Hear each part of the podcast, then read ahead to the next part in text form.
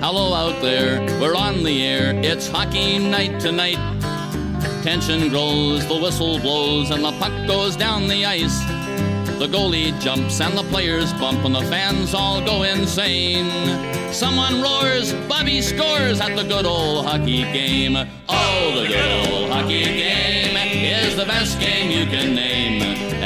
And the best game you can name is the Hallå, hallå, hallå, hallå, hallå, hallå, hallå, hallå, hallå, hallå, hallå. Hallå, hallå och välkomna till NHL-podcasten med Jonathan Onskan Ekeliv som vi hörde där i sin vanliga hallåramsa i Stockholm. Ja. Och mig Per Bjurman i New York City. Just det. Ja, här har vi det underbart just nu. Ja, det förstår jag. jag. Jag har förstått lite grann att du var ute och, och, och, och ja, du var ute igår. Jag, var på, jag är på strålande humör. Ja, det är sommar idag. 26, mellan 26 och 30 grader har Oj. vi. Eh, och jag var som sagt, gjorde comeback på eh, Smith Wolenski, världens bästa stekhus igår. Det kändes som civilisationen verkligen har återvänt. Eh, och så kom beskedet idag från eh, guvernören att the curfew lifts i maj. Eh, eh, inga längre tidsrestriktioner, vi får sitta vid bardisken igen. Så allt är, allt är som det ska. Och till helgen ska jag ut och åka och titta på hockey down south. Så att, eh, allt är på topp. Det, vadå, Per Bjurman, är det, är det 2019 där borta nu eller vad händer? Ja, medan ni går åt alldeles fel håll så, så går vi upp till, mot en fantastisk vår och sommar här. Ja, men jag är, jag är ändå lite hoppfull här också för just nu när jag tittar ut så är det vackert och fint vårväder och mina föräldrar har fått sina vaccin, första vaccindoser också. Så att, eh, jag är inte helt negativ jag heller och, och det börjar ju verkligen dra ihop sig här för slutspurt i NHL-grundserien. Så att, eh, Ja, men ni får lov att hem från krogen 2030, det kan inte vara kul. nej, visserligen då. Visserligen då. nej, men jag, ska inte, jag, jag, jag klagar inte heller ska jag säga. Äh, vad härligt, då är vi på bra humör. Och så ska vi spela in ett eh, nytt avsnitt nummer 320, vad? 25. 325. Ja, är det något du kan fråga mig som jag har svar på så är det just det. Ja, Om det nu är Ja. någon bra egenskap, men så är det. och vi ska prata lite om, ja det är action hela tiden som vi måste hålla koll på här. Det bara är några få veckor kvar av grundserien och eh, det verkligen drar ihop sig. Så vi ska titta på det och så eh, har du en liten specialare, ett segment på slutet. Ja, ett så kallat segment. Ett ganska stort segment faktiskt. För jag, Ja. vi, spelar, Ja. vi spelar in det här på onsdagskvällen, svensk tid. Och jag har ägnat hela eftermiddagen här åt att eh, ta ut Seattles kommande lag. Alltså, de ska ju få välja en spelare från respektive konkurrent här och få ihop ett, ett, ett lag i expansionsdraften i sommar. Så att jag har helt enkelt tagit ut Seattles lag och ställt upp dem i formationer och så vidare. Och, och räknat ut lönetakssiffra och så vidare. Ja, så att... Eh, ja, jag har försökt lägga pusslet inför sommaren. Ja. Ja, men hörru du, vi som sagt, vi börjar med lite vad som har hänt på slutet och som sagt, det är ju eh, i, någon mån eh, ett race i varje division. Vi kan väl börja med det som verkar minst spännande. Det är längst avstånd mellan eh, fyran och de som jagar bakifrån och det är ju då i North Ja. i, i Kanada. Där har det funnits hopp för Vancouver och Calgary att de ska kunna jaga ikapp Montreal, men eh, häromkvällen så slog Montreal Calgary samtidigt som Vancouver förlorade mot Ottawa och då kändes det som att Montreal kommer att klara det här ändå. Ja, precis. Det är väl känslan. Och eh, ja, förra veckan pratade vi om det här också. Och då hade vi fått upp Vancouvers hopp lite grann. Som kom tillbaka då direkt efter det här långa coronaavbrottet. Och började med att slå Toronto i två matcher liksom. Riktigt styrkebesked. Och sen visste man då att de hade Ottawa i fyra raka matcher. Jumbo liksom. Och en jättechans att knappa in ordentligt på Montreal. Men så har det blivit eh, ja, två förluster istället mot Ottawa. Och, och som du är inne på så, så börjar avståndet bli lite för stort där för att det ska kännas realistiskt att eh, ja, Calgary eller Vancouver ska nå ikapp. Nej, eh, så är det. Mon- Montreal vinner eh, viktiga, men de är ju inte helt pålitliga de heller. De, eh, det blir några plumpar i protokollet då och då, men det känns ändå som de ska kunna klara det här. Det är intressant att se att så ofta är de här som hela säsongen har, har stått för målproduktionen där eh, nyförvärven Toff- Toffoli och Josh Anderson gör väldigt mycket mål. Alltså Toffoli, var han uppe typ 25 mål eller något sånt där nu? Det är ju en supersiffra, vilken free agent-värvning.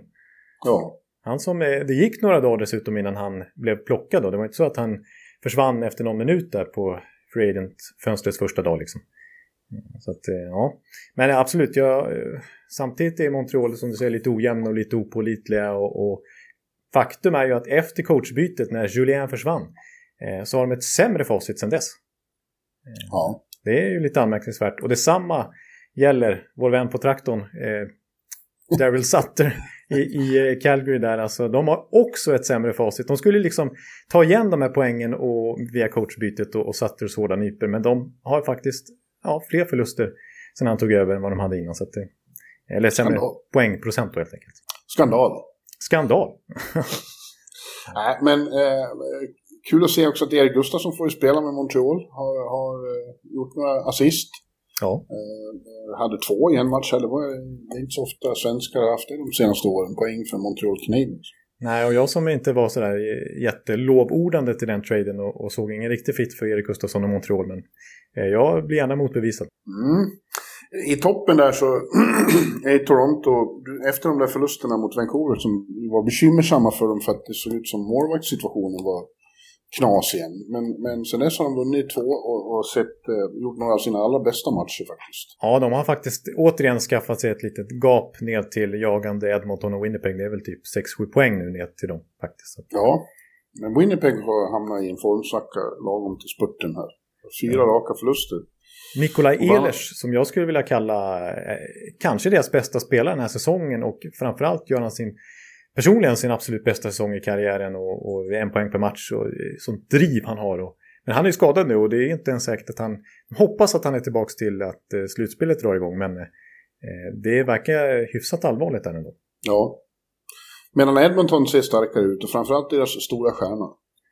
Ja, det kan man säga. Conor McDavid 81 poäng har han gjort nu på 46 matcher. Alltså, han behöver inte bättra snittet så mycket för att han ska nå 100 poäng då den här säsongen. Vilket ju känns ju ganska sensationellt när det är en så extremt rumphuggen säsong. Bara 56 grundseriematcher och ändå kan vi få en spelare över 100 poäng. Jag menar Jamie Ja, Benn, han var poängligan på 87 poäng 2015 på en riktig säsong.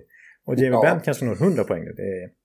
Nej, Conor McDavid kan nå 100 poäng. ja, ja, nu, ja, precis. Jamie Benn är inte speciellt nära. Nej, men McDavid är världens bästa hockeyspelare. Det, det är svårt att säga något annat. Och nu när de går till slutspel så det, det är ju en shoe-in för honom med Hart Trophy.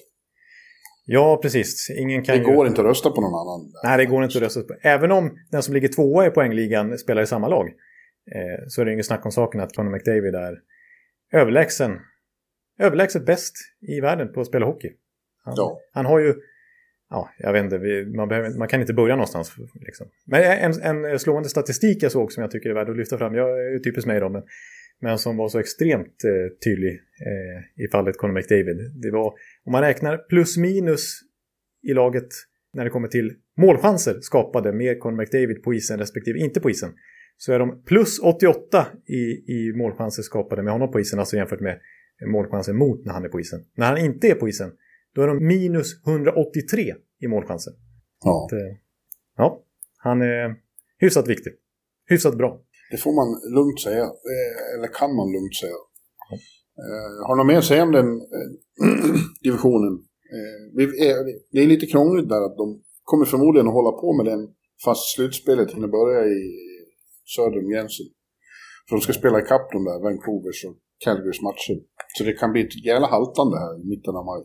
Precis, och Bettman har inte varit helt tydlig heller med hur slutspelet eh, kommer att... eh, Alltså hur det ska äga rum när det väl är dags då, liksom om det ska bli någon bubbla någonstans. Det har till och med varit snack om att de ska spela slutspelet i USA. Ja, ja, det är stor risk för det, därför att i Kanada är ju situationen inte alls något bra. Nej. Eh, Det är fortfarande så att det inte går att resa eh, över gränsen, och nu går det inte att resa inom Kanada heller riktigt. Nej, det är till och med liksom provinsgränser där som är, Ja. Som är knepigt. Så det kanske blir att de får flytta ner till USA och ha en bubbla med, med Kanadas slutspel. Det vore ju... ja, Det är ingen större skillnad eftersom de får inte släppa in någon publik i alla fall på sina matcher. Så att, eh, rent, eh, rent för fansen är det ingen större skillnad. Nej, precis. Det är verkligen eh, sk- skillnad mellan USA och Kanada. Så vi är uppe nu i 23 av 24 amerikanska lag som har publik på sina matcher. Medan Kanada, där är det fortfarande då tomma läktare som gäller. Det är bara Chicago som inte har längre. va? Ja, Ja, det, blir, det blir, eh, kan bli konstigt. Och, och ja det blir lite... Ja, faktiskt. Medan vi då kanske ser fulla läktare framåt juni i vissa, eller fulla men typ eh, på vissa ja, absolut. Det är inte omöjligt. Ja, det tror jag. Dallas Vegas och Florida. Ja, men du, eh, då tar vi och tittar på East istället då, för där är det ju också kämpigt för dem som är bakom eh, toppkvartetten. Det är ju Boston och Islanders som håller undan för framförallt Rangers då. Eller bara Rangers kan man säga. Ja, Philadelphia känns väl eh, avsågade nu och de känns inte speciellt inspirerade heller om man ska välja. Nej. Det är Rangers då som har fyra poäng upp till Boston, men Boston har ju fortfarande två matcher mer spelade. Eh, Färre spelare. Mm. Färre spelare, just det. Förlåt. Mm. Och eh, Rangers ambitioner om att grundseriens två sista matcher som är mot Boston uppe där ska ha stor betydelse. Ja, det ska väldigt mycket till för att det ska bli så. Ja, precis. Känslan är väl som vi har befarat här de sista veckorna att de där fyra lagen framför Rangers är lite för bra för att de ska börja tappa poäng i tillräcklig takt så att Rangers ska komma ikapp och att Rangers då fortfarande är lite för oboget och har lite för låg lägstanivå. Väldigt hög högsta nivå, men liksom, det är för Exakt. pendlande. Ja, det är väldigt synd. För när de spelar bra så är de väldigt sevärda. Eh, Svåra att tas med tror jag, för det går så fort och de har sån jävla kreativitet och sn- snabbhet med pucken i offensiv zon. Eh, Men det är så typiskt när de hade två matcher i rad mot Philadelphia här. Då delar de två på poängen och förstör för varandra. ja, precis. Hade de vunnit båda dem, då hade de haft två poäng upp till Boston. Det är ändå en psykologisk skillnad. Ja, det, det är faktiskt onekligen. Men det som jag var inne på lite grann förra veckan med Rangers så det är ändå mycket som kommit igång. Jag menar, Mika Zibanejad är ju nästan uppe på en, en poäng per match nu efter att ha varit så sågad och Ja, distracious decline i början där. Eller vad Larry Brooks skrev. disastrous. Decline. Ja. Eh, och, och Artemi Panani var borta av politiska skäl och så vidare. Och nu sen dess har han ju for- formligen öst in poäng. Jag menar Adam Fox håller på att kanske vinna Norris Trophy den här säsongen. Och, och Ja, Shesterkin är ju en... Ja, ser ut att kunna bli en värdig tsar att ta över efter kungen. Eh, mellan stolparna. Han, eh, Fox alltså, han blir bättre för varje gång man ser honom. Vilken, vilken jävla fältherre det är på isen. Vilka Ja, alltså du har slår. använt gr- grövre och grövre superlativ om honom. eh, Ju längre vi har poddat den här säsongen tycker jag. Ja. Ja. Men eh, jag har ju också då fått se eh, här på Garden två gånger om eh, de två sämsta lagen i divisionen, Buffalo och New Jersey. Och det har varit två rätt så vitt skilda upplevelser. Eh, mellan Buffalo som var, som det var katastrof för i, i mars. Mm. Eh, de är ett helt annat lag nu med Don Granado som coach. Eh, Mm. Det har vi också varit inne på lite tidigare, men det var tydligt nu när jag såg dem att det kändes som, kan det här verkligen vara samma lag som var här förut och kan det verkligen vara samma Rasmus Dahlin som var här förut? Han har ju fått eh, ett helt annat självförtroende nu när han får spela som han vill och får vara inblandad i spelet och använda sina färdigheter. Ja, de där bojorna har ju försvunnit. Alltså nu, Ja. nu är, Don Granato använder ju honom på ett sätt som han ska göra. Så att man, man ska släppa eh, Dalin fri och inte hålla på och trycka in honom, honom i ett fack. Alla Tortorella lite grann som, som faktiskt Kruger gjorde. Nej, exakt. Eh, och de har ingenting att spela för nu, men de, de eh, försöker bygga något inför framtiden och, och sätta en annan kultur och, och ha ingen kramp, det är ingen ångest i deras spel längre som det var förut. Det, går det åt skogen så gör det ingenting, utan de, de, de kämpar ändå och sliter. Ja, jag, tyck, det gör väl... eh, jag, jag vill Ja. bara säga att jag tyckte jag läste ett ganska bra citat, motivational citat liksom av Granato nyligen. Eh, och det är ju som sagt det är ju lite då paradox när, när liksom Ralph Kruger har skrivit böcker i det här ämnet och, och det, det skulle vara hans spetskompetens och så blev det tvärtom att han var som en stor blöt filt bara över motivationen där uppe. Eh, men eh, Granato sa liksom att eh, ja, hans företrädare Kruger har varit lite inne på att vi har inget självförtroende nu och det, det går liksom inte att spela hockey då. Eh, för, och det är förmodligen för att vi har förlorat så mycket så att det har blivit en snöbollseffekt eh, neråt som jag inte kunnat stoppa. Men Granato är inne på då att liksom eh, Nej, ni vinner inte matcher. Ni, ni, har inget, ni har inget confidence för att ni inte har vunnit några matcher. But you can't win games without confidence. You have to start with the confidence. Ja, Det, det har han försökt få in i dem då, liksom att, att ni måste börja med självförtroendet. Det är ju inte en biprodukt, utan det är ju någonting man, man börjar med att ha swagger och liksom tro på sig själv. Och det är det han försöker liksom verkligen få in i Dalin och gänget här nu och Mittelstadt och andra gubbar som Skinner som har kommit igång ordentligt nu istället. Så att eh, Granato har verkligen fått styr på sakerna där. ja, jag tycker verkligen han förtjänar att få bli eh, permanent coach där. Han Det håller jag med om. väldigt fina saker med laget. New Jersey går det desto sämre för. De har ju förlorat enormt mycket matcher. Eh, och eh, i och för sig då, jag pratade med Jesper Blatt häromdagen. Det är med en intervju i, i, i printupplagan denna onsdag. Jag har ju ett uppslag i NHL i tidningen. Ja, precis.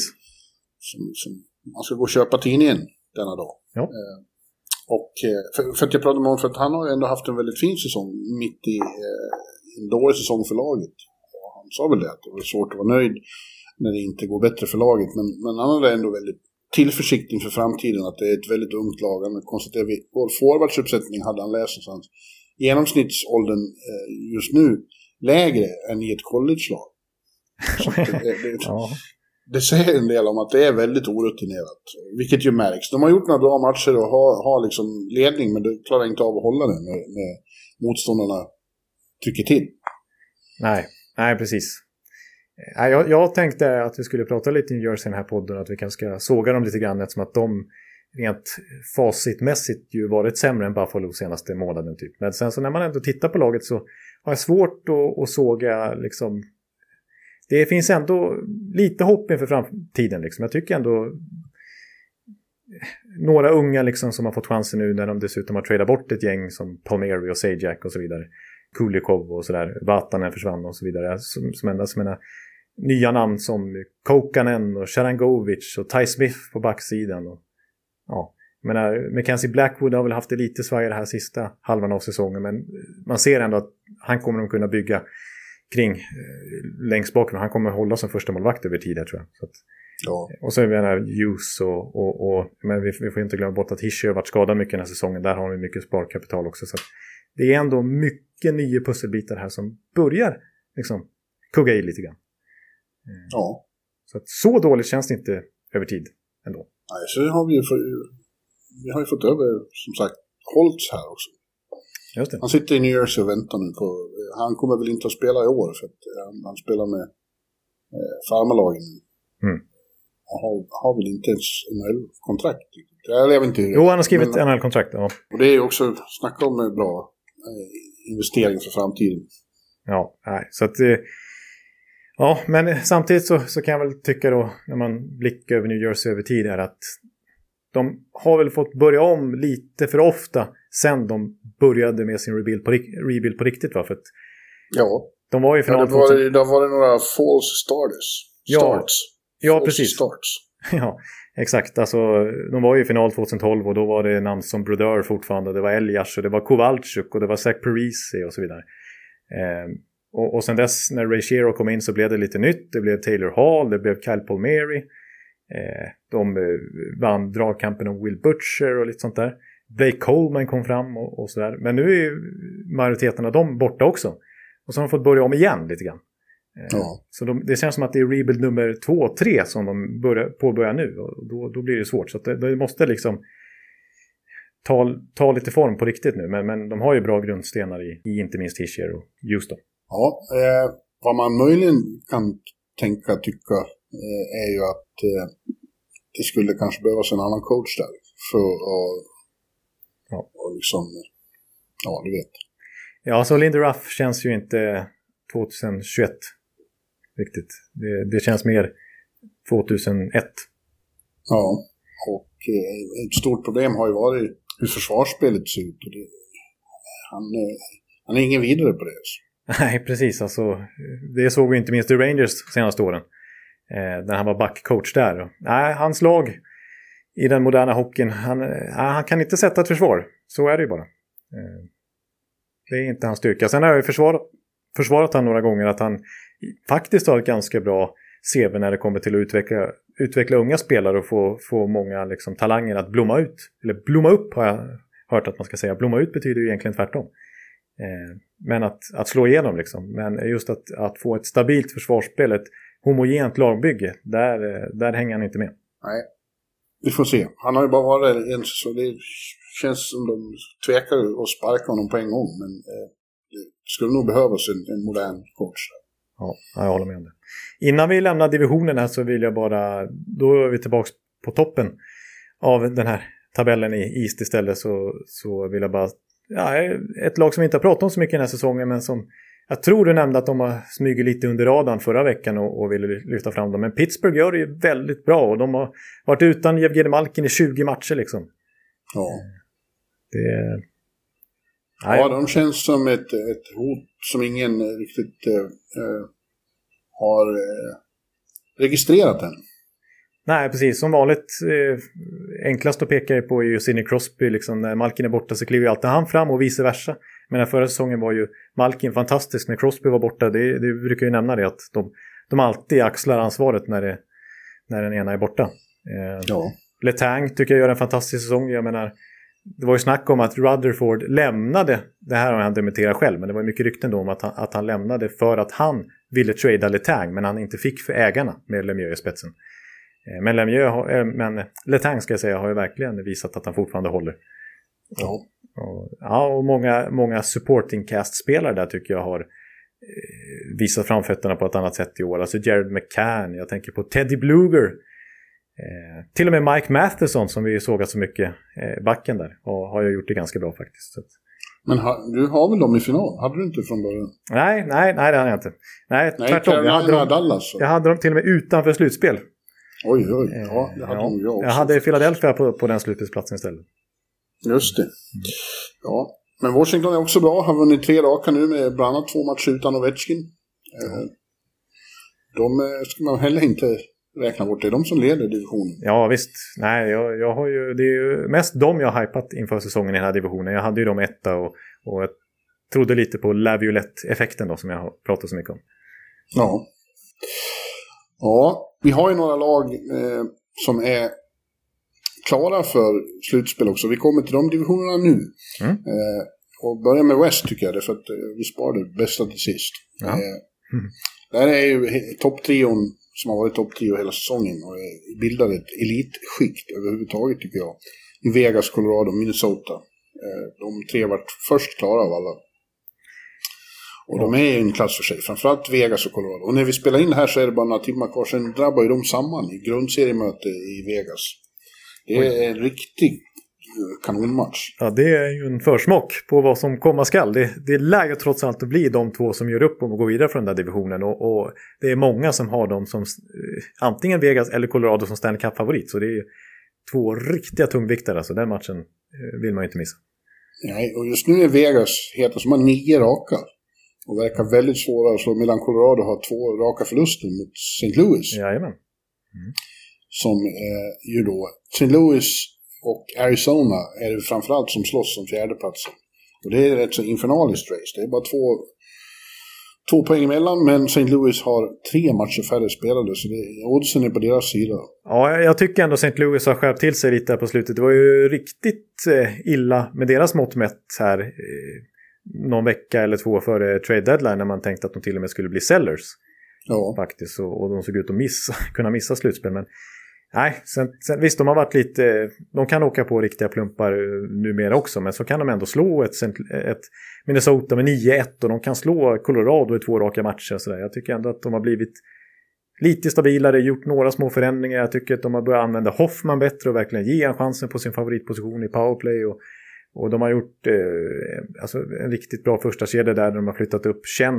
Istället för att han är center i andra kedjan så spelar han i som ytter i första med O'Reilly och Perron i en riktigt stark första kedja. Så, så att, eh, några små förändringar och de har blivit lite starkare. Så att, jag tror St. Louis grejer där och, och, Arizona är ju inte i kanonform heller för att kunna ta, äta upp det där tror jag faktiskt. Jag tror det blir St. Louis. Ja, ja jag tycker i och för sig att Arizona, när de är bra... Eh, det var en plump att förlora mot San Jose häromdagen som inte heller har gett upp men har en väldigt eh, svår uppförsbacke. Det kommer att bli tungt för dem. Mm. Det är Kalifornien-lagen i botten igen. igen. Det, är ingen, det är ingen stor era för kalifornisk NHL-hockey nu. Nej, från eh, absoluta toppen till eh, botten nu istället eh, har det verkligen blivit. Mm.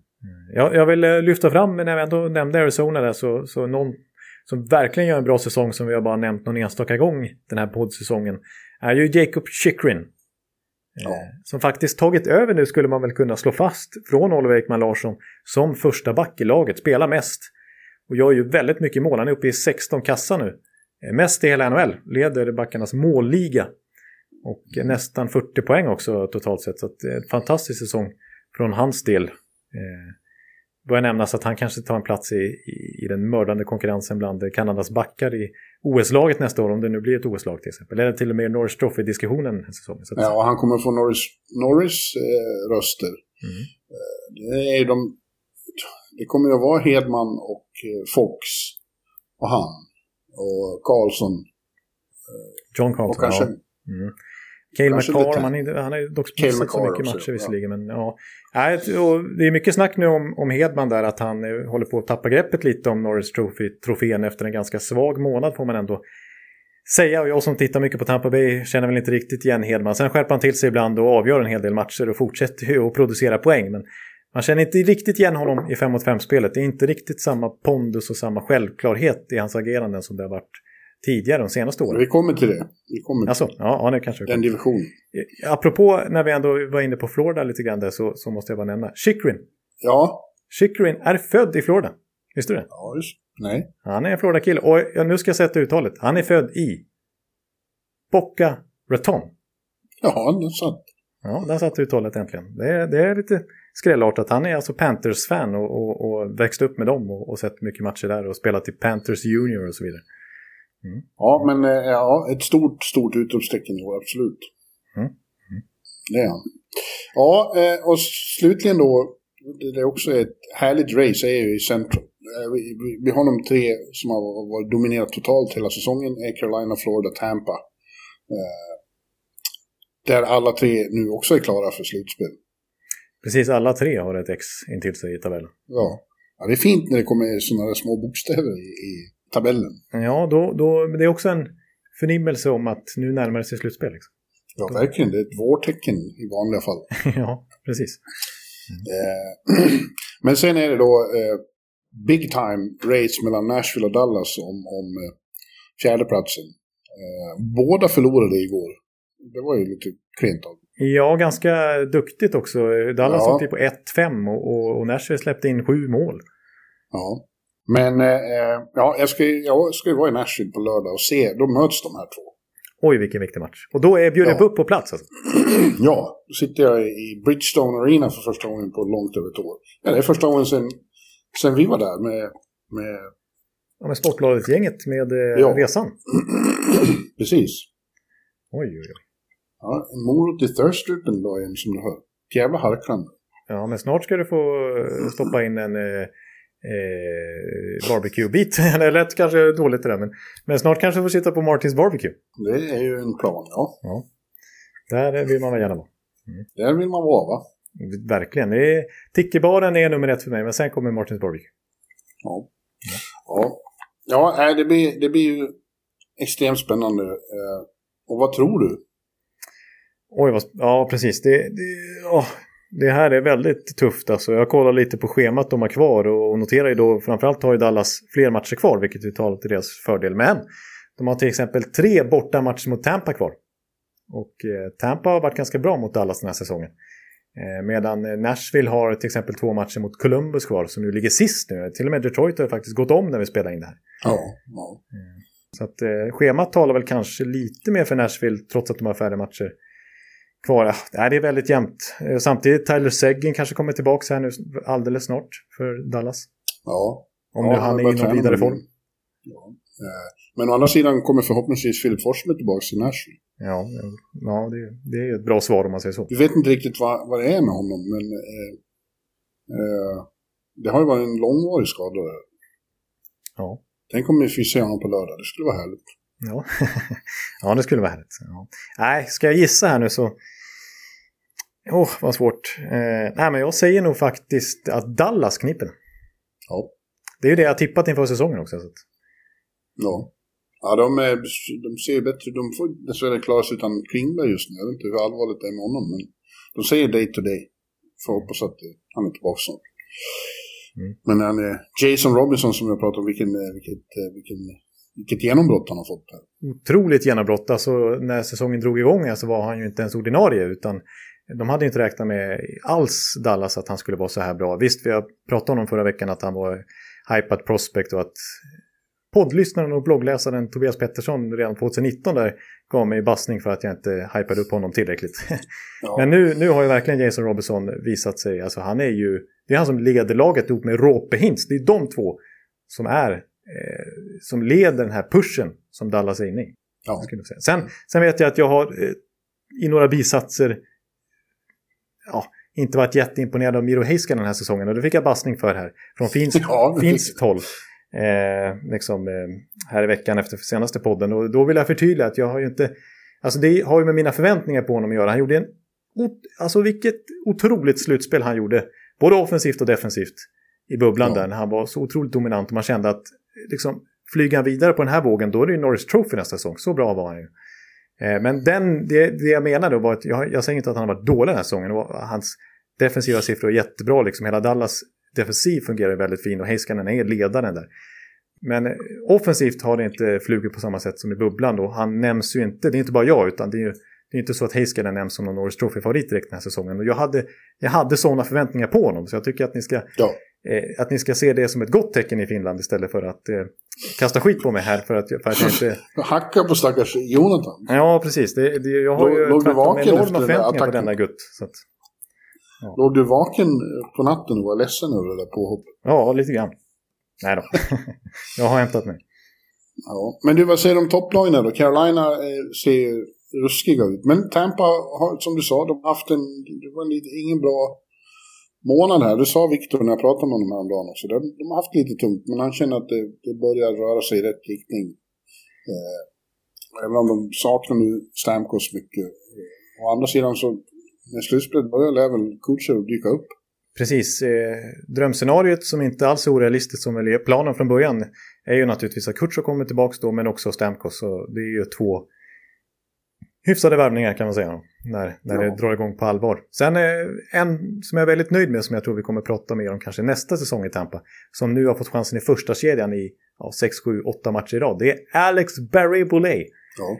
Carter Verhages gamla radarpartner i AHL. De två eh, var så otroligt dominanta då. Eh, Alex Berry vann eh, årets rookie i AHL medan Carter Verhage blev MVP i AHL. Och nu har ju Verhage verkligen slagit igenom i Florida. Medan Barry Boley börjar få chansen i Tampa och spelar första serien med Braden Point. Och har gjort mål i två raka matcher när vi spelar in det här. Och jag tycker han ser bra vass ut. Och det är, han, de ger honom verkligen chansen nu Tampa för att nästa år när de är i cap crunch igen så måste några av de här nya unga spelarna eh, som sitter på billiga kontrakt då, måste verkligen klara av att ta nästa steg. Och eh, nu börjar Barry Boley visa här att han är redo. Ja, jag hoppas att Carolina vinner den här divisionen och att det blir eh, Panthers Lightning i första omgången. Det skulle jag älska att se. Det- Den skulle jag nog vara i Florida och köra emellan. Ja, då, du, du har nämnt det någon gång förut och då, då vill jag gå vidare för jag tycker det låter så orättvist. så Att, Ja, men eh, helst skulle jag vilja ha med dig då Jonas. ja, det, såklart. ja, just det. Okej, tack. Och Åka över eh, Alligator Alley. Ja. En jävla skitväg, den är tråkig den. Men, Ja. men i alla fall. Visserligen, det är mycket träsk där man ska passera innan man kommer till civilisationen. Ja. ja, det är inte mycket att se. Nej, Sibren som bor där nere, han hatar Alligator Alley. alltså. Ja, Genuint. man måste köra, köra den när man ska till flyg, hämta folk i Fort Lauderdale eller Miami på flygplatsen och så. Ja, ja. Men du... Eh, Det var off topic. ja, det var, ja.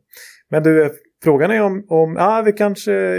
Det börjar närma sig det här Seattle-segmentet. Men eh, frågan om vi ska nämna något annat. Till exempel tv-avtalet om vi ska... Ja, det är ju helt klart nu att eh, Mm. redan för, för en månad sedan var det väl så vart det klart med Disney och ESPN och ABC. Mm. Tar den stora chunken här i USA. Mm. Men de har också nu samarbete med Turner, det vill säga TBA eller vad det heter här. TNT tror jag det är TNT, deras ja. största kanalet. Just. Ja. Som, som, som visar väldigt mycket basket i vanliga fall. Ja. Eh, de kommer också visa eh, matcher på National. Eh, och det kommer bli fler sådana som, som visas för hela landet. Inte bara för lokala sändningarna. Nej, just det.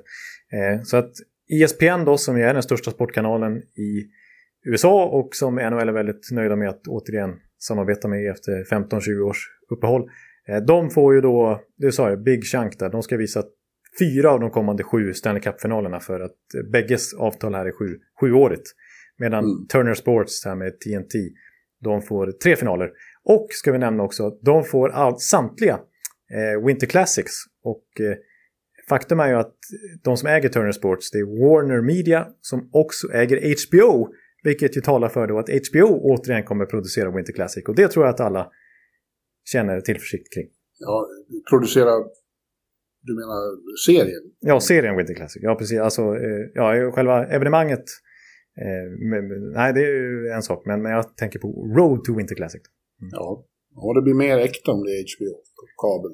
Precis, de, de filtrerar inte bort, censurerar inte bort eh, diverse svordomar och så vidare. Utan de, de går ju mer rakt på sak och, och, det blir mer på riktigt som säger. Det, det var ju en bättre, bättre kvalitet när de eh, visade. Ja, och eh, sammanlagt så får ju nu eh, NHL i princip en miljard, om man räknar in kanadensiska eh, rättigheterna också då, mm. så eh, är de uppe i ungefär en miljard dollar per säsong för tv-rättigheterna.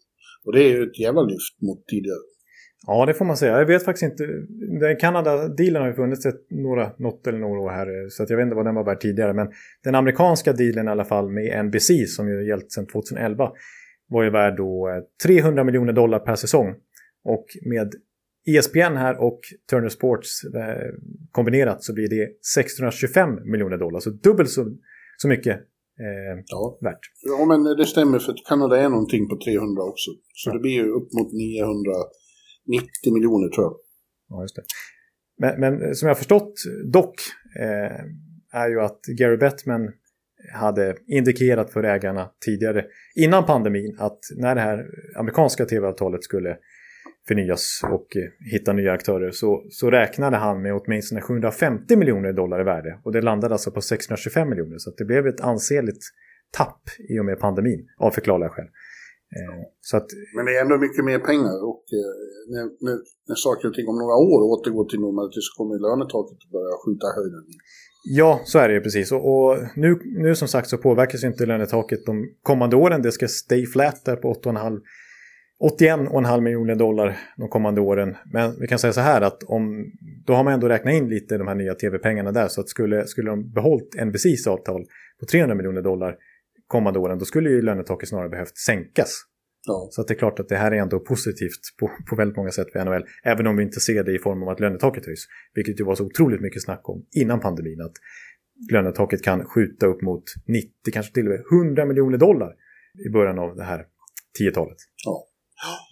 Men eh, samtidigt, det kommer inte, för, för, för, svenska tittare kommer det inte vara någon större skillnad. För det är, samma människor kommer att fortsätta vara kommentatorer. Det är inte så att de stannar på NBC och inte har någonting att göra. Eh, de, har inga, de är inte anställda på det sätt som till exempel svenska kommentatorer de har. De har bara kontrakt och följer sin sport. Så det kommer att fortsätta vara John Forslund och Pierre Maguire och, och, och Kenny Albert och kompani. Ja, just det. Ja, det är väl det är väl inte alls eh, otänkbart. Nej, det kommer förmodligen bli så eh, snarare. Det kommer kanske bli mer Barry, Melrose eftersom han är på ESPN och har, har ju gjort NHL och de, även när de inte har haft rättigheterna så har han liksom åkt runt. Jag tror han har gjort, vad sa han? Han har gjort 30 eh, finaler i rad och sånt varje match. Ja. Mr Hockeyfrilla kommer dyka upp ja, mer i svensk TV. Vi var ute och åt middag i Washington det året när, när de spelade final där, 2018. Då, då hamnade jag eh, vid ett långt middagsbord så hade jag Barry Melrose vid sidan. Så vi pratade väldigt mycket om. Där ser man. Där ser man. Han rökte cigarr efter, efter avslutad eh, middag. Det känns kompatibelt med den bilden man har av honom. ja. ja. ja. Ja. Men du, eh, då kanske det är dags eh, för... Eh, för Jonathan Ekeliv-segmentet. Det här ska ju jag bara liksom kommentera. Jag är inte inblandad. Nej, precis. Och det kanske är skönt att du kan skriva dig fri från det här. För att eh, sannolikheten att jag prickade hela Seattles lag är ju noll, kan jag säga. Eh, men eh, ja, jag, ska, jag har gjort ett försök och jag hoppas att jag sätter några i alla fall. Och jag vill ge lyssnarna här en liten indikation i alla fall om vilka spelare det rör sig om eh, i Seattles fall.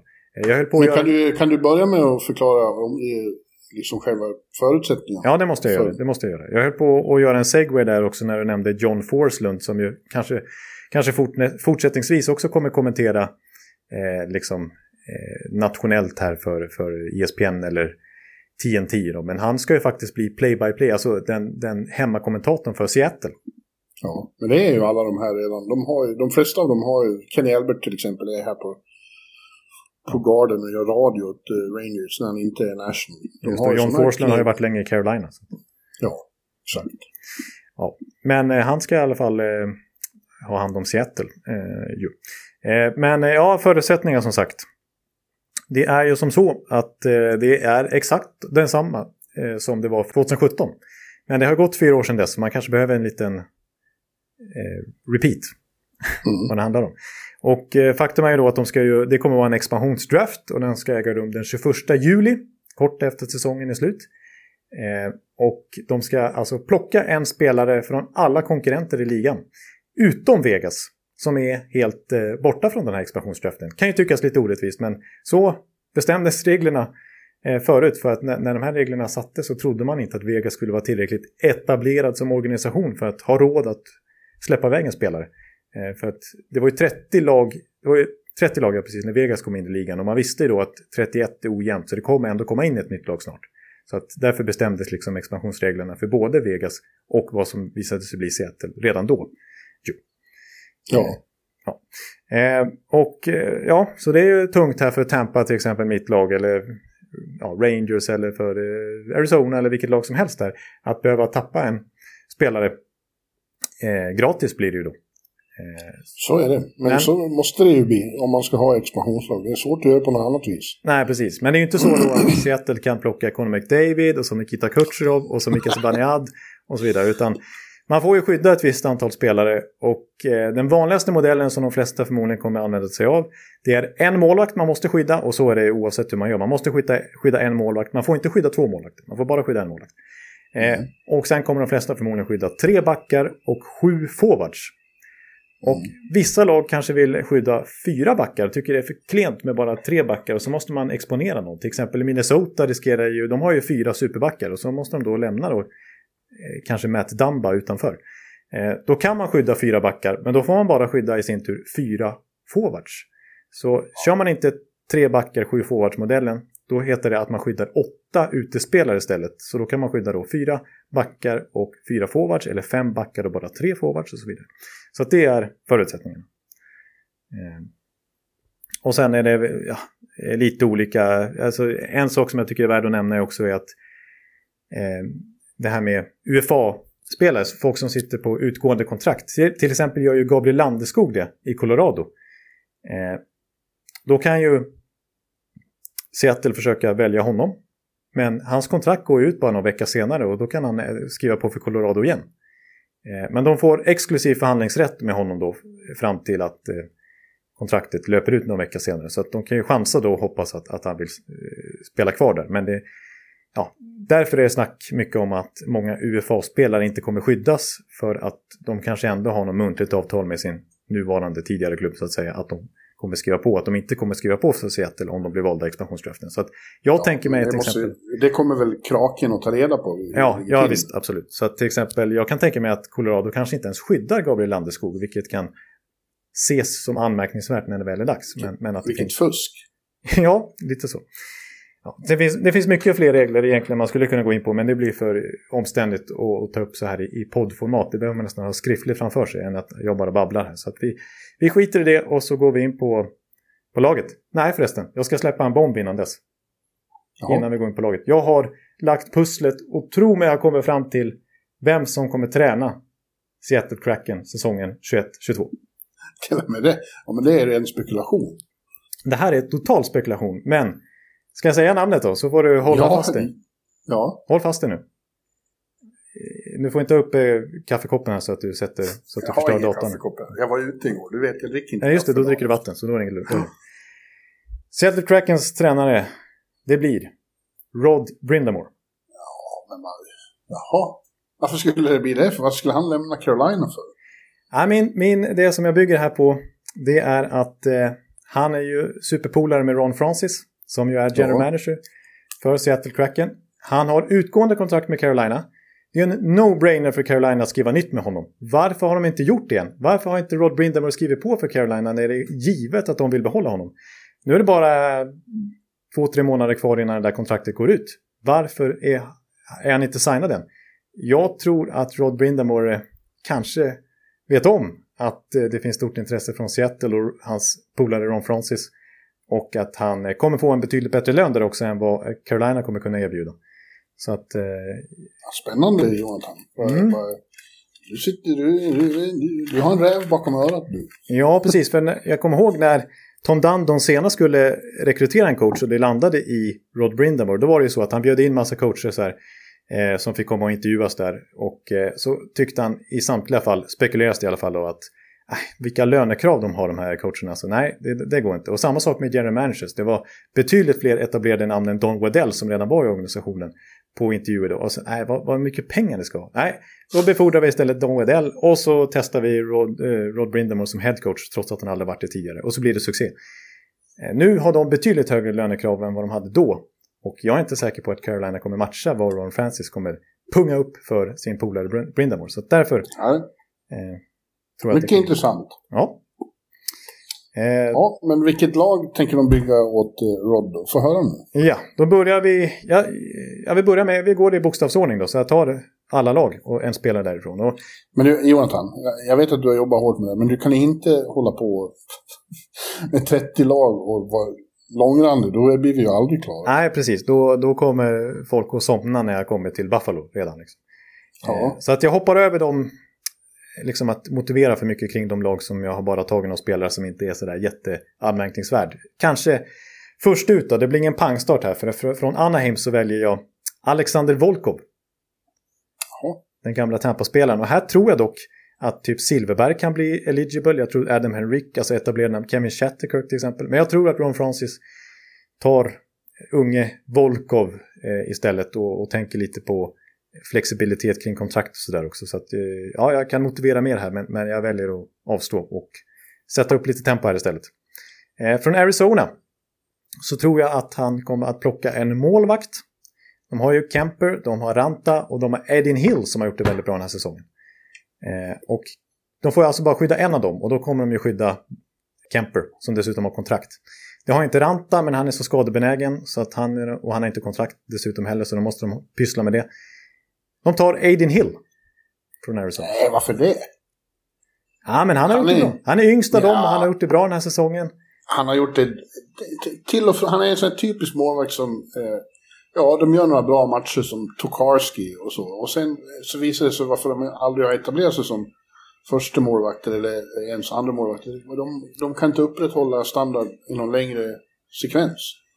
Nej, precis. Nu tror jag visserligen Hill är restricted free agent också, men det är inga problem. Det, det, det, det, han är under kontroll. Nej, det är bra att du argumenterar emot, men jag säger att det blir Aiden Hill till Arizona. Ja. Eh, sen har vi Boston, där jag ser framför mig att de kanske... Alltså här är, här är ett intressant lag, Boston. De, spännande att se vilka de skyddar. Eh, jag tror till exempel kanske att en sån som Craig Smith, Craig Smith kan bli, kan bli oskyddad. Eh, men eh, jag säger att en, en av backarna där som har gjort det överraskande bra den här säsongen eh, och fått större ansvar nu när de har tappat både Kära och Krug inför säsongen eh, kommer bli vald av Seattle och det är faktiskt Jeremy Lawson. Ja. Mm. Ja, den låter inte som något superlag. De nej, nej, precis. Nej, men jag förstår. Snart kommer det bättre namn. Eh, inte här kanske dock, för nu är vi framme vid Buffalo och då säger jag att Colin Miller blir historisk som den vad jag tror i alla fall, enda spelare som har blivit vald av två expansionslag. Han blev vald av Vegas och gjorde succé där, 41 poäng första säsongen och fick ett fett kontrakt sedermera i Buffalo där han varit lite av en flopp. Och Seattle plockar honom nu, backen Colin Miller. Eh, sen har vi Calgary, där, där jag tycker det är ganska... Ja, vi får se, det, det spekuleras lite grann om att kanske Mark Giordano blir exponerad faktiskt. Det vore spännande. Eh, om nu han, ja, jag vet inte, han har spelat i Calgary hela karriären. Det är nästan lite förnedrande för hans del att, att bli skeppad till, till ett expansionslag då. I samma division som det kommer vara också dessutom. Så att, nej, jag tror faktiskt inte på Giordano utan jag säger att det blir Oliver Kylington. Jag safear lite grann här. Svensken. Ja. ja. Sen har vi då, nu kommer bomben. Nu kommer första bomben. Nu får ni vara beredda igen. Eh, från Carolina Hurricanes, som också är ett lag med väldigt många bra spelare och som därmed kommer behöva lämna någon eller några riktigt bra spelare öppna. Så säger jag att Carolina tar Toggy Hamilton. Oj, oj, oj. Jaha. För att han är Unrestricted Free Agent, hans kontrakt går ut och eh, när man har läst mellan raderna i kontraktsförhandlingarna där så går det trögt. Alltså Dundon är inte beredd att punga upp där heller för vad Hamilton vill ha. Alltså, de verkar, från Carolinas håll så verkar man se på honom som i kontraktsförhandlingarna som en spelare i nivå med typ Tory Krug, att han ska ligga runt 6,5 miljoner dollar per säsong. Medan han själv ser sig som en riktig elitback, som en så här Alex Pietrangelo-typ som ska få 9,5 upp mot 10 miljoner dollar per säsong.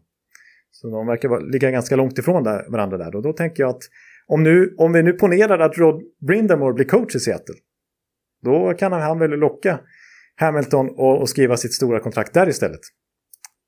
Ja, det vore ett tungt namn. Ja, precis. Så att jag, jag utgår då från, vilket är högst hypotetiskt, att Rod Brindamore blir coach i Seattle och att han då lockar med sig Hamilton i expansionsdraften. Mm. Eh, så där har vi det. Eh, sen från Chicago så tyckte jag inte heller det var speciellt många alternativ så att jag motiverar inte speciellt mycket här. Jag säger bara att de tar Calvin DeHaan, gamla backen.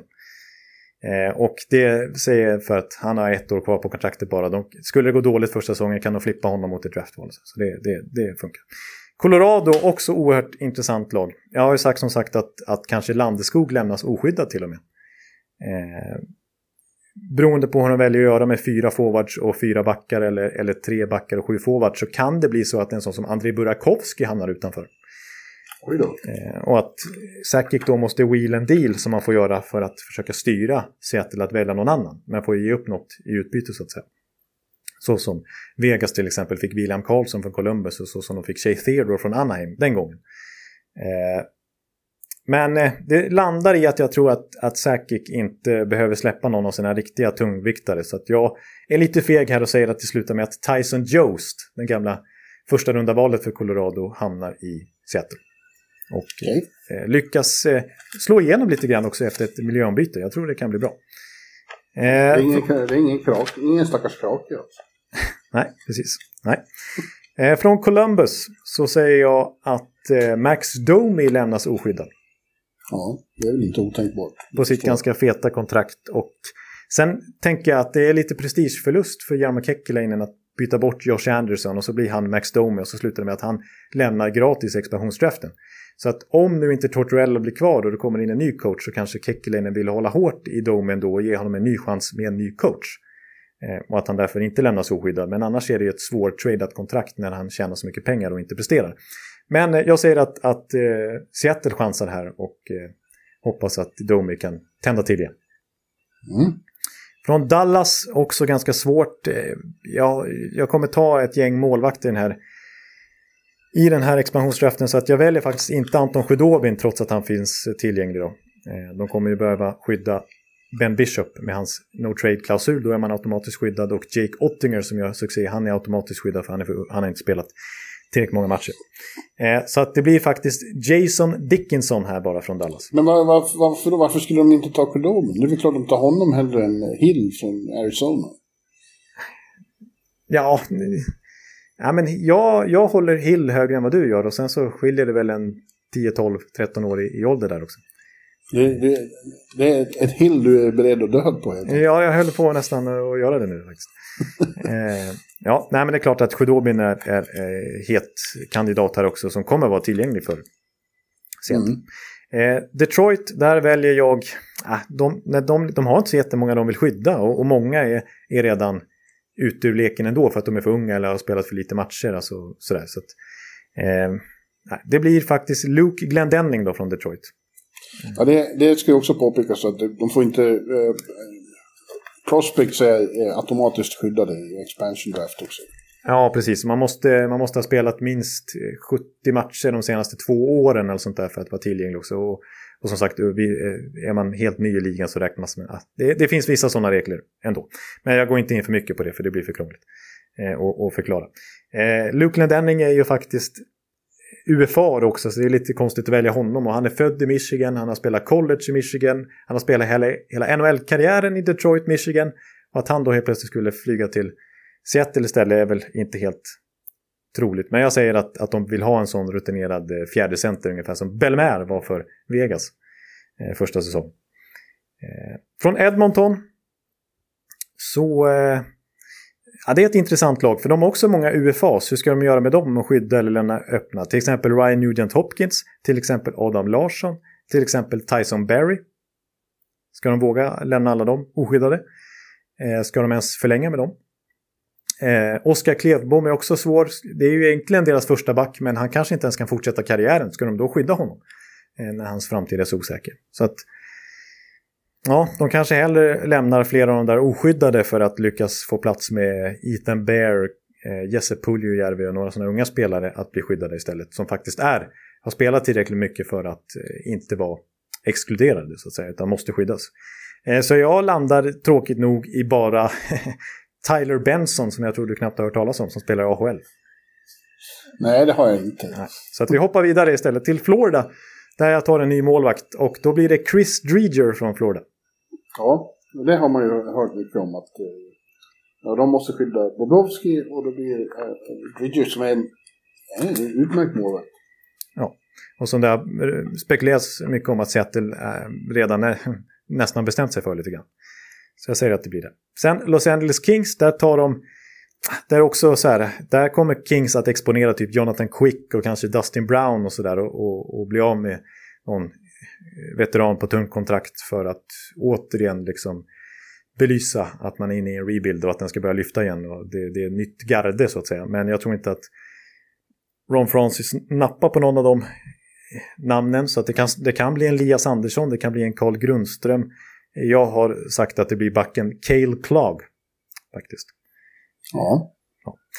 Eh, från Minnesota då, som jag nämnde där, så kommer, har ju de problem. Om de bara kan skydda tre backar så, så lämnas ju förmodligen... Då blir det väl Brodin, Spurgeon och eh, Suter då. Och så hamnar Damba utanför.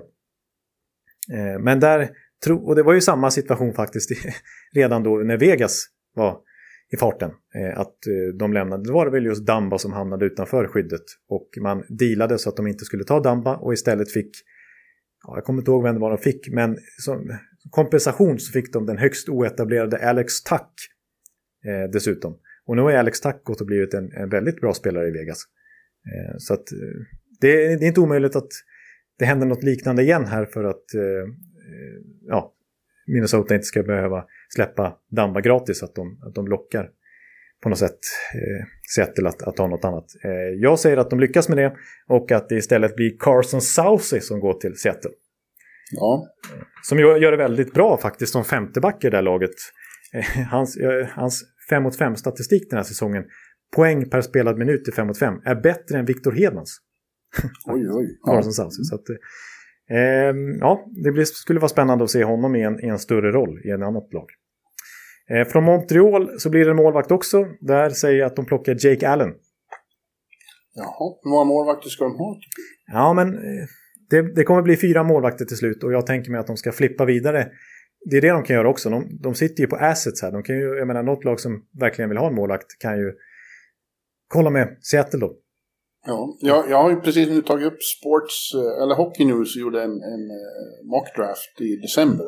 Ja. Den gäller väl inte, men ja, många har redan blivit tradade så de gäller inte det. Men här tror de att Arturi, Arturi Lekkonen, Lekkonen ja. är den som, ja, som plockas från Montreal. Precis, en sån som Joel Armia kanske är oskyddad också skulle vara ett alternativ. Så att det, absolut, det, det, det är inte hugget i sten här att det blir Jake Allen på något sätt. Det är bara jag som har eh, valt honom. Jag tycker han sitter på ett ganska rimligt kontrakt, 2,8 miljoner dollar. Och att, att eh, jag tror säkert att det skulle vara ganska stort intresse, trade-intresse intresse för honom om de inte väljer att behålla honom själv. Då. Eh, att de utnyttjar det på det viset. Eh, fr från Nashville så tar de då Luke Cunnin. Jaha, inte Kalle Järnkrok. Nej, det är väl frågan då hur, Seattle, hur Nashville väljer att göra med att skydda spelare. För att jag tror att de, att de skyddar fyra backar och då bara kan ta fyra forwards. För de vill ju behålla Josie, de vill behålla Ellis, de vill behålla Ekholm och de vill behålla påläggskalven Dante Fabro. Eh, och då blir det bara fyra forwards de kan skydda och då kan de ju lämna typ Johansson och Duchene oskyddade för att de sitter ju på sto så stora och hemska kontrakt så att Seattle kommer ändå inte vilja ha dem. Eh, så jag, jag, tror att de tar Forsberg, de skyddar Arvidsson, de skyddar och sen är frågan om de ska skydda Järnkrok, Colton Sissons eller Luke Cunnin Eller typ en Mikael Granlund som dock sitter på utgående kontrakt, hur de ska tänka där. Och jag tror att de skyddar Järnkrok, som gör en väldigt bra säsong, och jag tror att de skyddar trotjänaren Colton Sissons och att då Luke Cunnin hamnar utanför. Eh, sen kan det vara så att, att Seattle chansar på att skriva kontrakt med, med Mikael Granlund då och utnyttja den där exklusiva veckan de får. Men, men eh, jag tror att de tar Cunnin har jag, har jag Okej. eh, kommit fram till. Sen har vi en till svensk som de tar från New Jersey och då blir det Andreas Jonsson därifrån. Ja. Det varit ganska mycket spekulationer om att P.K. Subban kan lämnas oskyddad och att det skulle vara ett alternativ. Eh, Men jag tror inte att Ron Francis är sugen på, på Subban faktiskt. Eh, Och hans stora kontrakt. Eh, Och Jonsson, jag är besviken på hans säsong i New Jersey faktiskt. Eh, Jag trodde han skulle få ett lyft där med större förtroende, men han har inte blivit någon Lindy Ruff-favorit. Men ja, jag räknar inte bort honom, liksom hans NHL-karriär för det, utan jag tror det. Jag menar, han hade ju fantastiska indikationer där ett tag i Toronto när man var uppe på 40 poäng och Ja. sådär. Så att, nej, jag, jag säger att Seattle chansar på honom. Sen i Islanders kommer vi till, då och där tror jag att Lou Lamoriello kommer göra allt för att bli av med ett tungt kontrakt för att öppna löneutrymme. Han kommer försöka, framförallt kommer han försöka bli av med Andrew Ladd på något sätt, det tror jag är väldigt svårt. Om inte det funkar så, så tror jag att en sån som Nick Leddy, en sån som faktiskt Jordan Eberle, en sån som till och med Josh Bailey, Eberle. Ebbele. Alltså att, att någon av dem eh, ska de försöka styra Ron Francis att välja.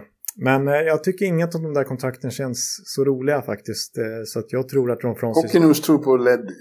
De tror på Leddy. Ja, jag, först tänkte jag Leddy faktiskt. Men eh, ja, det skulle ju vara ett... Ja, han är ju fortfarande ganska bra Leddy, men han har hamnat lite efter i hierarkin där i, internt i laget. Bakom Pulok och Pellek framförallt. Mayfield har ett mycket mer fördelaktigt kontrakt också. Eh, Så att, absolut, Leddy skulle kunna vara ett alternativ. Men jag har, jag har, när jag var klar med det här så kom jag fram till att jag hade tagit 14 backar. Så därför valde jag inte Leddy. Jag tog istället den unge gamla JVM-stjärnan Kiefer Bellows. Som, som eh, är, har spelat tillräckligt länge för att vara exponeringsmöjlig. Så att säga. Ja. Sen kommer vi till Rangers och där verkar det mer eller mindre klart eh, vad man läser och så här att, att det lutar åt Brett Howden. Att han kommer lämnas oskyddat och att Seattle har spanat in honom. Eh, ett annat så här lite roligt alternativ är ju om de vågar chansa på Anthony D'Angelo. Men det tror jag inte. Nej, det tror inte jag. vara... Ha in honom i ett nytt omklädningsrum och att han ska vara med där och forma kulturen. Det är kanske inte så bra. Nej. Från Ottawas del så har jag varit inne lite på att de kanske, att de kanske är lite missnöjda med Jevgenij Dadonov och väljer att lämna honom oskyddad. Och även om de gör det så tror jag inte att, att Ron Francis är så sugen faktiskt. Så att jag säger att han bara tar en klassisk gnuggare. Nick Paul. Faktiskt. Okej. Sen kommer vi till ett lite större namn igen och då är det vi framme hos Philadelphia. Oj vad jag börjar bli torr i halsen här vet du när jag pratar så mycket. Ja, men prata. Det är din show. Du ville Ja, ju göra det här. Jag måste ju, ja, precis. Vi är ändå framme i Philadelphia så jag kommer ganska långt. Eh, där säger jag att eh, om inte båda lämnas oskyddade så kommer någon av James Van Riemsdyk och Jakub Voracek att lämnas oskyddade. Jaha. Eh, Här tror du om Shane Ghost ja, han tror också lämnas oskyddad men eh, Men du tror inte Seattle kommer ta honom? nej, precis faktiskt inte. Utan jag tror de lockas av typ Van Riemsdyk för att jag tror snarare att Philadelphia, de kommer ju, om de säger att de skyddar sju forwards, då vill de ju skydda Giroud, de vill skydda Couturier, de vill skydda Hayes. Och sen är frågan om de vill skydda Connectney, de vill skydda Oskar Lindblom, de vill skydda Nolan, Nolan Patrick, Scott Lawton, Van Riemsdyk och Voracek. Och då blir det plötsligt nio spelare där. Eh, och de får bara skydda sju. Så att eh, jag tror att de kanske ser chansen att bli av med ett tungt kontrakt där. För de har ju ganska många år kvar på sina kontrakt, Ben Van och eh, Voracek. Och båda är 31-32 år nu. Så att eh, jag säger att eh, ja, Van Riemsdyk har gjort en ganska bra säsong nu och att, att eh, Seattle är lite intresserade faktiskt. Ja. Från Pittsburgh, också ett ganska etablerat namn, där säger jag att de plockar Jason Zucker. Mm. Som inte har blivit någon riktig hit ändå. Zack i Aston Reese tror de här. Ja, det har jag sett också ett populärt alternativ. Jag tror att, Han har ju bara en miljon. ja, så det, det väl lockar väl. Samtidigt tror jag att Pittsburgh eh, inte är så besvikna om, om, om de frigör 5,5 miljoner dollar i löneutrymme som det skulle innebära om Seattle tar Zucker. Mm. Som fortfarande är en bra spelare under 30 bast och sådär och skulle kunna bidra mycket. Eh, nu kommer nästa bomb. Alltså nu... nu. Erik Karlsson. Nej, det blir då som jag var inne på redan i juni när vi eh, första gången gjorde det här segmentet. Brent Burns. Ja, just det, det sa jag. Mm. Fast det tror inte jag. Ja, det som talar för det, det är ju att både Vlasic och Erik Karlsson har eh, no movement-klausul, det vill säga att de är automatiskt skyddade och inte kan lämnas öppna om de inte själva inte går med på det. Har inte Burns det? Det har inte Burns. Eh, och eh, han sitter ju då på 8, är det 8 eller 8,5 miljoner dollar i löntagsträff fram till är det 2025 eller till och med 2026. Och han är alltså 36 bass nu, Brent Burns. Och vi har ändå sett en decline senaste åren. Han är fortfarande förmodligen bästa backen i laget. Han har varit bättre än Erik Karlsson den här säsongen. Eh, men eh, det är inte samma Brent Burns som har vunnit Norris Trophy och sådär. Eh, och eh, ja, det skulle ju frigöra väldigt mycket löneutrymme och med tanke på att San Jose ändå måste liksom genomgå en liten föryngringsprocess här så, så är det väl ändå en möjlighet att bli av med hela Burns kontrakt, vilket jag tror skulle vara svårt annars i en trade. Men vad, det skulle, då skulle ju, han skulle bli the face of the franchise omedelbart. Absolut. Kraken skulle, Kraken skulle bli förknippad med ett stort skägg. ja, precis. Eh, han skulle väl nästan se ut som en sån här eh, sjökapten. Som en krake. ja, som liksom rattar det där skeppet som ska... Ja, ute på, ja, vilda sjön. Ja. ja.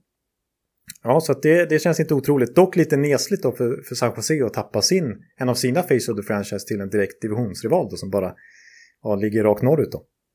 Ja. På samma kust. Ja, vi får se om det verkligen blir så. Men det spekuleras väldigt mycket om Brent Burns i alla fall. Eh, från St. Louis, en annan så här, som har varit mycket flyktrykten kring. Delvis på grund av att de tror att de kanske tappar honom gratis i expansionsdraften annars. Det är ju då den lovande backen Vince Dunn. Mm.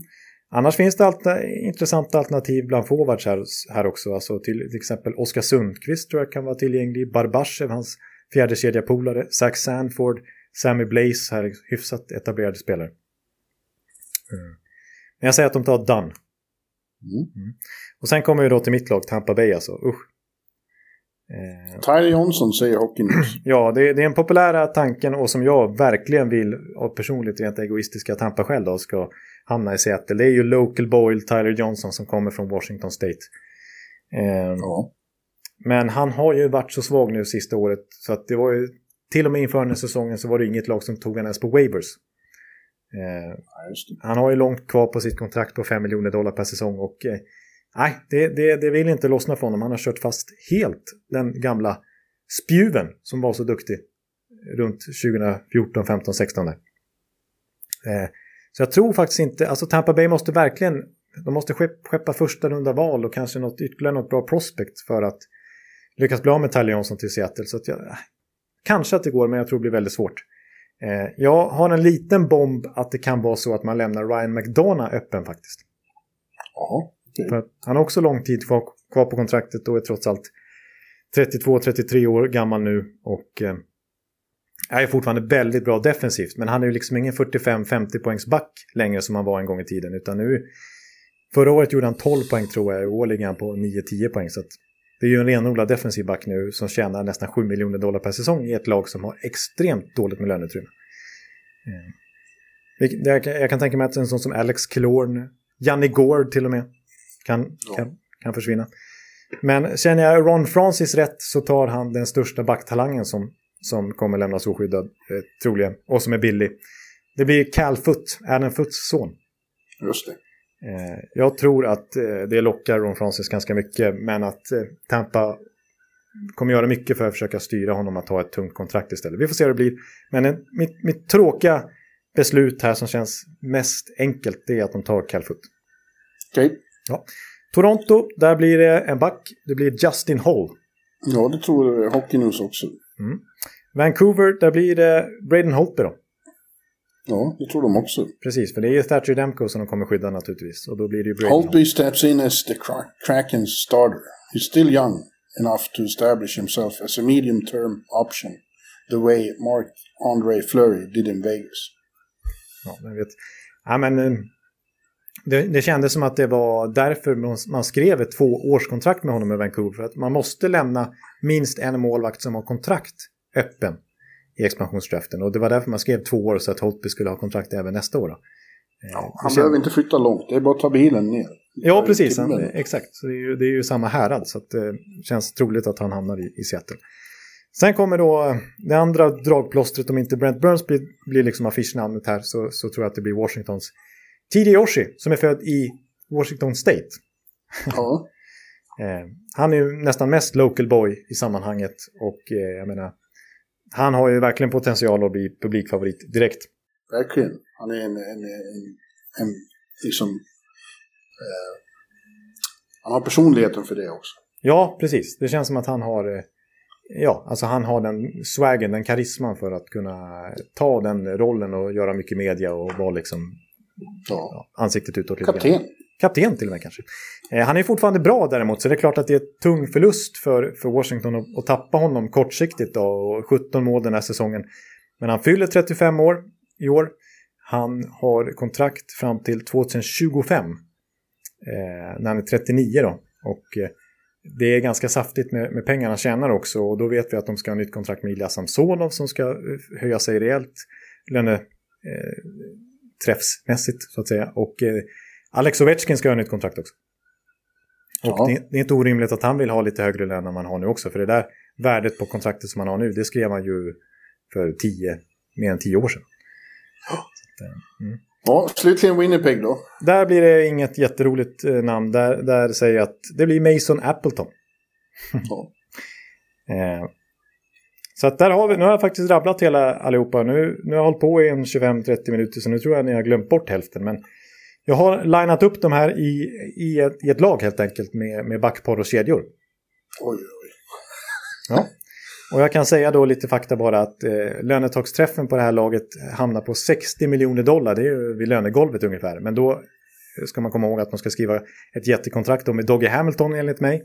Och de har många restricted free agents som ska ha nya kontrakt också. Så att eh, det, det, det, blir ganska hög lönetaksträff till slut på det här laget ändå.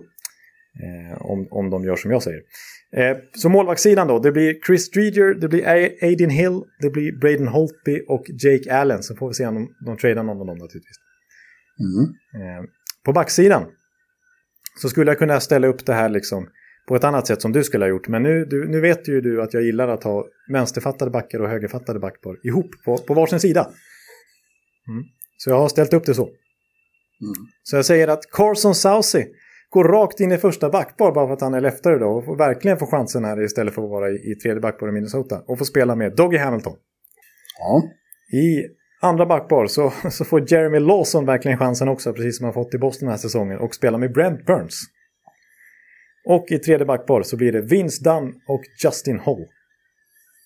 Mm. Bra backsida. Ja, det, på pappret låter det bättre faktiskt än vad, än vad Vegas hade. Eh, vad ja. man tyckte då. Ja, så alltså Vegas hade, det var ju deras sämsta lagdel. Ja. Eh, tyckte man då. Eh, Nate Smith var ju ett osäkert kort då som var liksom typ första back. Men eh, de gick ju till final så det, de överträffade, överträffade ju förväntningarna kan man säga. Men det här skulle jag vilja säga att det kanske är deras starkaste lagdel i Seattles fall. Som sagt, jag valde 14 backar först när jag gjorde det här och fick eh, begränsa det till 11 till slut. Så att de kommer kunna ja. trada här också. Ja. På forwardsidan då så har jag ställt upp kedjorna så här. I första serien, James Van Riemsdyk. Han centras av Max Domi och till höger TJ Oshie. Mm. Kan du inte dra igenom dem så pratar vi om ja, det. Pratar vi sen. Ja, andra kedjan, Jason Zucker, Tyson Jost och Luke Cunnin. Tredje kedjan, Andreas Jonsson, Brett Howden och Alexander Volkov. Fjärde kedjan, Nick Paul, Luke Glendenning och Mason Appleton. Ja. Så enda svensken i laget är alltså Andreas Jonsson? Ja, och sen har jag tagit även Oliver Kylington från eh, ja, Calgary, men han hamnade utanför eh, själva backparekedjan. Ja, jag, jag, tror inte du är extremt imponerad. Nej, det kanske inte är, men, men eh, det är ändå... Eh, även där så tycker jag att det känns starkare än, än vad man trodde om Vegas. Jag kommer ihåg att man var så här, vad fan, det är bara överblivet. Eh, liksom. det här kan inte bli något, men de var ju kanonbra. Liksom. Marshes och Karlsson och Riley Smith är fortfarande en kedja där. Ja. Det är också så, man ska komma ihåg det, det har varit en jävla omsättning på folk i Vegas. Om man tittar på den där första truppen så eh, det är många som har försvunnit sedan dess. Ja. Perron och Howla och James Neal. Eh, Colin Miller. Nate Smith. Eh, Cody Eakin. Angelan, Belmer. Det är många det. Ja. Oskar Lindberg, Thomas Tatar. Ja, ja. Ja, då ska man komma ihåg också att de har som sagt, då lyckades verkligen... De fick ju så mycket draftval. De hade till exempel tre första runda val i sin första draft och sådär eh, i början. Och det har de verkligen lyckats omvandla till eh, ett riktigt alltså, contenderspelare de har fått in i Mark Stone. De har fått in i Max Pacioretty, Alex Petrangelo. Ja, det var ju visserligen en free agent signing då, men... Ja, de har verkligen spelat sina kort rätt. Det blev en ordvits, men det har de verkligen gjort i Vegas, även hockeylaget. Yes. Ja. Ja. Vi får eh, behålla, behålla det här pappret så vi har facit i sommar när vi får se. Hur långt i förväg måste de presentera vilka spelare de skyddar och inte skyddar? Den listan ska lämnas in den 17 juli. Och det är den 21 juli som själva draften är. Så att, eh, det är tre dagar emellan. Listorna lämnas in och eh, själva draften äger rum. Men Seattle kommer ha en ganska klar bild av vilka det är frågan om. Ja, så är det. Så är det. Ja, Ja, jag kan säga så här. Jag är nöjd om eh, 20% av laget stämmer. Då, då tycker jag jag har gjort det väldigt bra. ja. Det var ju väldigt svårt att, att förutse Vegas då. För att det händer så mycket de sista dagarna. Och de här eh, slutna dealsen som, som är hemlig, hemlighetsstämplade naturligtvis. Som, som redan finns. ja. Så att, eh, ja, vi får se. Men eh, det här är, är min överblicksbild i det här läget. April 2021. Starkt jobbat. Ja, nu har jag ingen röst kvar längre faktiskt. Så nu, nu, får jag, nu kommer jag vara hes fram till nästa vecka. Ja. Ja, jag ska ladda om här. Eh, Som sagt, det är en stor match ikväll. Den ska bli jävligt kul att se. Eh, och så ska jag försöka komma tillbaka i finalen, eh, fantasyfinalen här mot eh, den svåre Anton, vår rookie, som spelar final mot mig nu. Just det, som håller på och just nu har kopplat greppet och håller på att gå in och... Han håller på att göra Vegas nästan. Nu måste du vara som Washington här och, och faktiskt sätta ner foten och, och vinna. Ja. Ja, jag ligger risigt till framförallt, eh, just nu är det väl jämnt, men det är för att det inte har räknats in målvaktsstatistiken än. Eh, och när, när han har spelat tillräckligt många matcher, tar han över. Just det. Ja, men det är mycket hockey kvar, som man säger. Nej, det är bara några få dagar, Jonathan. Ja, men det kan hända mycket vet vi i fantasyvärlden på, på några få dagar. Ja, vi hoppas på det. Ja, ja men vi, vi, får, vi får prata mer och summera hur det har gått helt enkelt eh, nästa vecka. Och, eh, Nästa vecka vet vi vem som är vår Stanley Cup-mästare. Om det är jag eller, eh, eller den där snorvalpen. just det. Ja, men tack för att ni har orkat lyssna hela vägen till nu. Jag ska gå och dricka vatten och jag önskar jag Per Bjurman en fantastisk helg i Nashville. Ja, tack så mycket. Vi, vi talar om det också nästa vecka. Det gör vi. Vi säger Hej, hej! hej. hej. Hallå, hallå, hallå. Hallå, hallå, hallå. Alex Chiazot, Joe Luis Arena och Esposito. Esposito. Uttalsproblem, men vi tjötar ändå. Och alla kan vara lugna, inspelningsknappen är på. Bjuder Hanna Kohl, han är grym i sin roll. Från Kållesoffan har han fullständig kontroll på det som händer och sker. Det blir ju allt fler som rattar in hans blogg. Och lyssna på hans podd. One, two, three, speed, so Hallå, hallå, hallå. One, two, three, speed, so Hallå, hallå, hallå. Ekeliv, som är ung och har driv. Verkar stor och stark och känns allmänt massiv. Han hejar på Tampa och älskar Hedman. Sjunger som Sinatra. Ja, och där ser man. Nu är det dags för refräng. Dags för magi, Victor Norén. Du är ett geni. Så stand up at home and remove your hats. Höj volym, för nu är det plats. One, two, three, speed, so Hallå, hallå, hallå. One, two, three, speed, so Hallå, hallå, hallå. One, two, three, speed, so Hallå, hallå, hallå. One, two, three, speed, so Hallå, hallå, hallå. Det er utroligt længe siden mor, der samtidig trods har råd. Hallå, hallå, hallå. Det er utroligt længe siden mor, der samtidig trods har råd.